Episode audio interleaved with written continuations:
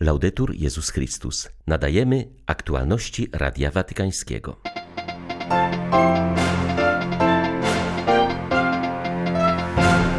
Hongkong ponownie ma biskupa, został nim prowincjał chińskich jezuitów. Konflikt w etiopskim regionie Tigraj nie oszczędza duchownych. W brutalnych rzeziach zginęło już 78 księży. Papież włączył się w debatę na temat przyszłości życia zakonnego w Hiszpanii. Mówi o tym w wideoprzesłaniu na 50. tydzień życia konsekrowanego. 17 maja witają Państwa ksiądz Krzysztof Ołdakowski i Łukasz Sośniak. Zapraszamy na serwis informacyjny. Katolicka diecezja Hongkongu znów ma biskupa. Papież mianował nim przełożonego chińskiej prowincji jezuitów księdza Stevena Chongsauyena. Diecezja ta pozostawała nieobsadzona od ponad dwóch lat, czyli od śmierci poprzedniego biskupa Michaela Yong Ming Chonga w styczniu 2019 roku. Ksiądz Steven Chow Sao-yon urodził się w Hongkongu w 1959 roku. Przed wstąpieniem do jezuitów studiował psychologię na Uniwersytecie w Minnesocie w Stanach Zjednoczonych. Po święceniach kapłańskich podjął studia z zakresu rozwoju i psychologii na Loyola University w Chicago oraz na Uniwersytecie Harvarda w Bostonie. Od 2018 roku stoi na czele chińskiej prowincji jezuitów. Od początku konfliktu w etiopskim regionie Tigraj zginęło już co najmniej 78 księży. Wynika ze sprawozdania etiopskiego kościoła ortodoksyjnego, w którego posiadanie weszli dziennikarze The Telegraph. Zdaniem naocznych świadków masakr dopuścili się żołnierze etiopscy i erytrejscy. Po zburzeniu budynków kościelnych i klasztornych armia rozpoczęła polowanie na duchownych. Niektórych zabijano nawet w trakcie prowadzenia nabożeństw czy odprawiania mszy, powiedział naoczny świadek zabójstw, do którego dotarł brytyjski dziennik. Jest nim starszy ksiądz duszpasterz z kościoła Adizeban. Do zdarzenia doszło 9 stycznia, gdy w parafii rozpoczęło się nabożeństwo ku czci Matki Bożej. Nagle pojawiło się ośmiu etiopskich żołnierzy, wspomina ocalały. Wyciągnęli spośród służby liturgicznej dwunastu młodych chłopaków w wieku od 15 do 20 lat. Zabrali ich na zewnątrz i zabili. Kolejna masakra, której był świadkiem, wydarzyła się 1 lutego. Przyszło ich dwunastu, wtargnęli na plebanie, gdzie zgromadziło się sześciu księży, w tym ja. Bez słowa zaczęli strzelać i odjechali. Wszyscy moi przyjaciele nie żyją, ja cudem ocalałem, wspomina ksiądz. Tysiące ludzi w obawie o swoje życie uciekło z domów. Miejscowe zakonnice w pobliżu stolicy regionu Tigra i Mekelie zorganizowały dormitoria, w których mogą schronić się uciekinierzy. W okolicznych wsiach codziennie żołnierze zabijają setki ludzi. Nasi podopieczni od miesięcy nie mają wystarczającej ilości jedzenia, koców, lekarstw, brakuje nawet wody. Szpitale zostały splądrowane lub zrównane z ziemią. Ciała zmarłych pożerają hieny. Kobiety w każdym wieku są nieustannie gwałcone. W biały dzień na oczach rodziny, mężów odcina się im ręce i nogi. Zastanawiam się, czy ci, którzy to robią, to jeszcze ludzie, mówi jedna z zakonnic w rozmowie z dziennikarzem The Guardian. Z Jerozolimy rozlega się nieprzerwane wołanie o pokój, ziemia święta płonie. To słowa dramatycznego apelu ojca Ibrahima Faltasa, wzywającego do powstrzymania tego piekła. Franciszkanin zauważa, że fala przemocy rozlała się na cały region, nie dotyczy jedynie pojedynczych miejscowości Betlejem, Gazy lub Ramallah, ale wielu innych Nazaretu, Hajfy, Kany Galilejskiej oraz pozostałych. Nie ma w tej chwili spokojnego i cichego miasta w całej Ziemi Świętej. Zakonnik dodaje, że niemal wszędzie dochodzi do starć, do aktów ślepej i pełnej gniewu przemocy, której wcześniej nie widziano. Wygląda to na wojnę domową, spalone samochody, pożary w mieszkaniach, synagogach, miejscach kultu, wiele zniszczonych aut. Wszystko to wybuchło teraz, ale problem istnieje od 1967 roku, a polega na tym, że nie znaleziono rozwiązania dla Jerozolimy, która jest sednem konfliktu. Kiedy dotyka się Jerozolimy, dotyka się odkrytego nerwu w sercu każdego z nas. Nadszedł czas, aby znaleźć rozwiązanie dla Jerozolimy. W przeciwnym razie będziemy tak postępować przez kolejne 100 lat. Problem polega na tym, że nie mówimy o wojnie między Izraelem a Hamasem, gdzie strony mogą zdecydować się na przerwanie ognia i dojść do porozumienia. Mówimy o rozścieczonej ludności po obu stronach, która próbuje wziąć sprawiedliwość w swoje ręce i gdzie nie ma żadnego rozmówcy. To, co dzieje się teraz, nie miało miejsca od 1948 roku i chcę, aby właśnie to świat zrozumiał. Do takich należy Królestwo Niebieskie. Pod takim tytułem ukazało się łotewskie tłumaczenie ostatnich dokumentów Stolicy Apostolskiej dotyczących ochrony przed nadużyciami w Kościele.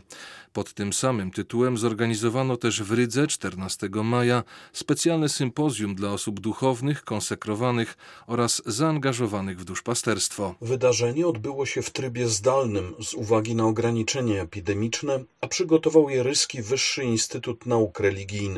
Spotkanie nie ograniczyło się do prezentacji watykańskich dokumentów, ale zawierało wiele elementów związanych z praktyką zapobiegania nadużyciom. Chodziło zwłaszcza o zwrócenie uwagi na los ofiar takich przestępstw jak pedofilia, co niejednokrotnie schodzi na dalszy plan w ferworze zmagań prawnych i politycznych. Nadzieję, że ryskie sympozjum pomoże Kościołowi na Łotwie walczyć z gorszącymi patologiami, wyraził nuncjusz apostolski w krajach bałtyckich arcybiskup Petar Rajć. Główną prelekcję wygłosił ksiądz Gottfried Ugolini, psycholog z Papieskiego Uniwersytetu Gregoriańskiego, który wszechstronnie omówił dotychczasowe doświadczenia związane z ochroną osób nieletnich i bezbronnych w Kościele. Kwestie dotyczące nadużyć seksualnych są na Łotwie ciągle pewną nowością, stanowiącą częściej przedmiot medialnych sensacji niż poważnej refleksji i przeciwdziałania. Stąd ważne jest podjęcie przez tutejszy Kościół prewencyjnych szkoleń dla personelu duszpasterskiego w tym zakresie, by uniknąć znanych z innych krajów błędów i krzywd wobec ofiar. Z Rygi dla Radia Watykańskiego ksiądz Tadeusz Cieślak, jezuita. Aktualne problemy Kościoła w Niemczech są związane z odrzuceniem chrześcijańskiej wizji człowieka. Wskazuje na to biskup Wolfgang Ipold, komentując kontestację watykańskiego dokumentu w sprawie zakazu błogosławienia związków gejowskich. Jak mówi biskup Ipold, w Niemczech zachwiana została cała chrześcijańska antropologia. W ostatnich dziesięcioleciach Kościół nie zrozumiał w wystarczający sposób, jak przekazać znaczenie chrześcijańskiej moralności seksualnej. Ordynariusz Görlitz stwierdza w tym kontekście z ubolewaniem, że w Niemczech zignorowana została teologia ciała Jana Pawła II. Kościół tymczasem potrzebuje tego nowego języka w przekazie naszej wizji etyki, aby wskazać ludziom orientację i wyzwolić ich z zamętu. Biskup Ipold przypomina, że w kwestii błogosławieństw dla Kościoła wiążące jest świadectwo Pisma Świętego i niezmienne nauczanie tradycji. Osoby homoseksualne mogą otrzymywać błogosławieństwo i rzeczywiście otrzymują je podczas każdej mszy świętej, nie mogą jednak liczyć na błogosławienie ich związku. Zapytany, czy obawia się schizmy w niemieckim kościele, ordynariusz Gerlitz odpowiedział, że ufa Duchowi Świętemu, który może pomóc wyjść z aktualnych sprzeczności. Odnośnie zaś do narodowej drogi synodalnej, przyznaje, że wciąż nie jest jasne, do czego ma ona prowadzić. Mam nadzieję, że głębiej sobie uświadomimy, że my, Niemcy, nie jesteśmy w centrum świata, lecz stanowimy część Kościoła powszechnego. Przez Wielką Brytanię przetacza się skandal wywołany niegodnymi praktykami stosowanymi w jednej z klinik w tym kraju, specjalizujących się w leczeniu dzieci z zaburzeniami tożsamości płciowej.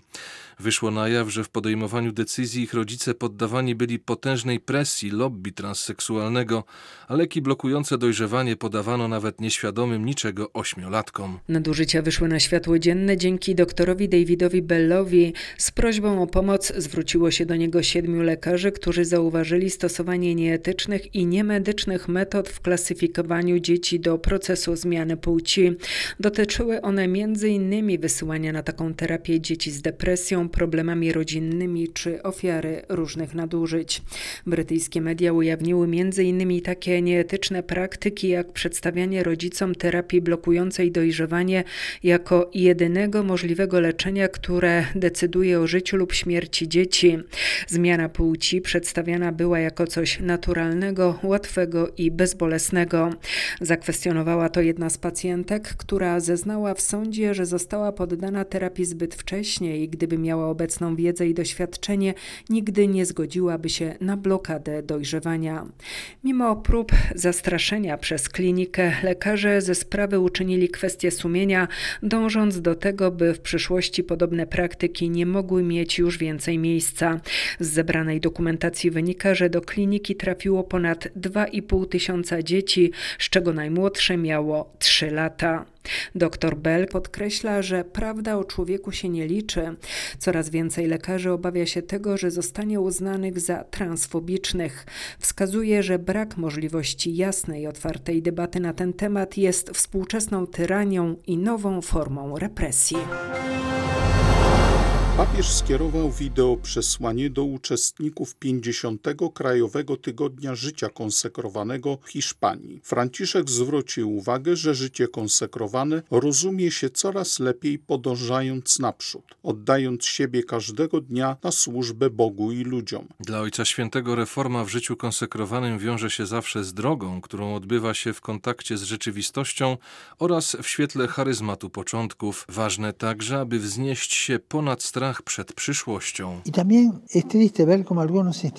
Jest czymś bardzo smutnym widzieć, jak niektóre instytuty w dążeniu do poczucia pewności, aby zachować kontrolę nad sytuacją, popadły w rozmaitego rodzaju ideologię prawicową, lewicową, centrową lub różne inne tendencje. Kiedy Instytut przeformułowuje charyzmat w ideologię, traci swoją tożsamość, staje się bezowocny. Aby zachować żywym charyzmat początków, trzeba realizować go w drodze, należy go rozwijać, w dialogu z tym wszystkim, co duch do nas mówi poprzez historię czasów, miejsc, różnych epok, rozmaitych sytuacji. Zakłada to rozeznanie i modlitwę, nie można zachować charyzmatu początków bez odwagi apostolskiej, bez podążania naprzód, bez rozeznawania i bez modlitwy. Ojciec Święty zalecił osobom konsekrowanym, aby nie gubiły się w formalizmach, ideologiach, lękach i w dialogach z samymi sobą, zamiast z Duchem Świętym. Wezwał, aby nie obawiać się ograniczeń, granic oraz peryferii, ponieważ przez to wszystko przemawia Duch Święty. Od dekady mnisi z Notre-Dame de Saint-Rémy w Rochefort w południowej Belgii walczą z właścicielem miejscowego kamieniołomu o czystość wody źródlanej. Zdaniem zakonników plany międzynarodowej firmy dotyczące pogłębienia wyrobiska i przekierowania wody ze źródła niosą ze sobą ryzyko zmiany unikalnego smaku ich słynnego napoju. Sąd przyznał im rację, a prasa okrzyknęła to kolejnym zwycięstwem Dawida nad Goliatem. W uzasadnieniu wyroku czytamy, że choć właściciel kamieniołomu jest również właścicielem źródła, to nie ma prawa przekierowywać wody, która zasila opactwo. Mnisi uznali, że wpłynęłoby to na jakość wód gruntowych, które są kluczowym składnikiem ich piwa. Właściciel kamieniołomu przeprowadził testy, które wykazały, że to nieprawda, jednak mnisi nie dali się przekonać i tak doszło do sądowej walki Dawida z Goliatem. Browarowi grozi jednak inne niebezpieczeństwo. Mianem produktów trapistów mogą być określane bowiem tylko trunki produkowane przez opactwo pod nadzorem mnichów, którzy żyją w ścisłej ciszy zgodnie z regułą świętego Benedykta. Bardziej od międzynarodowych koncernów piwu zagraża więc brak powołań.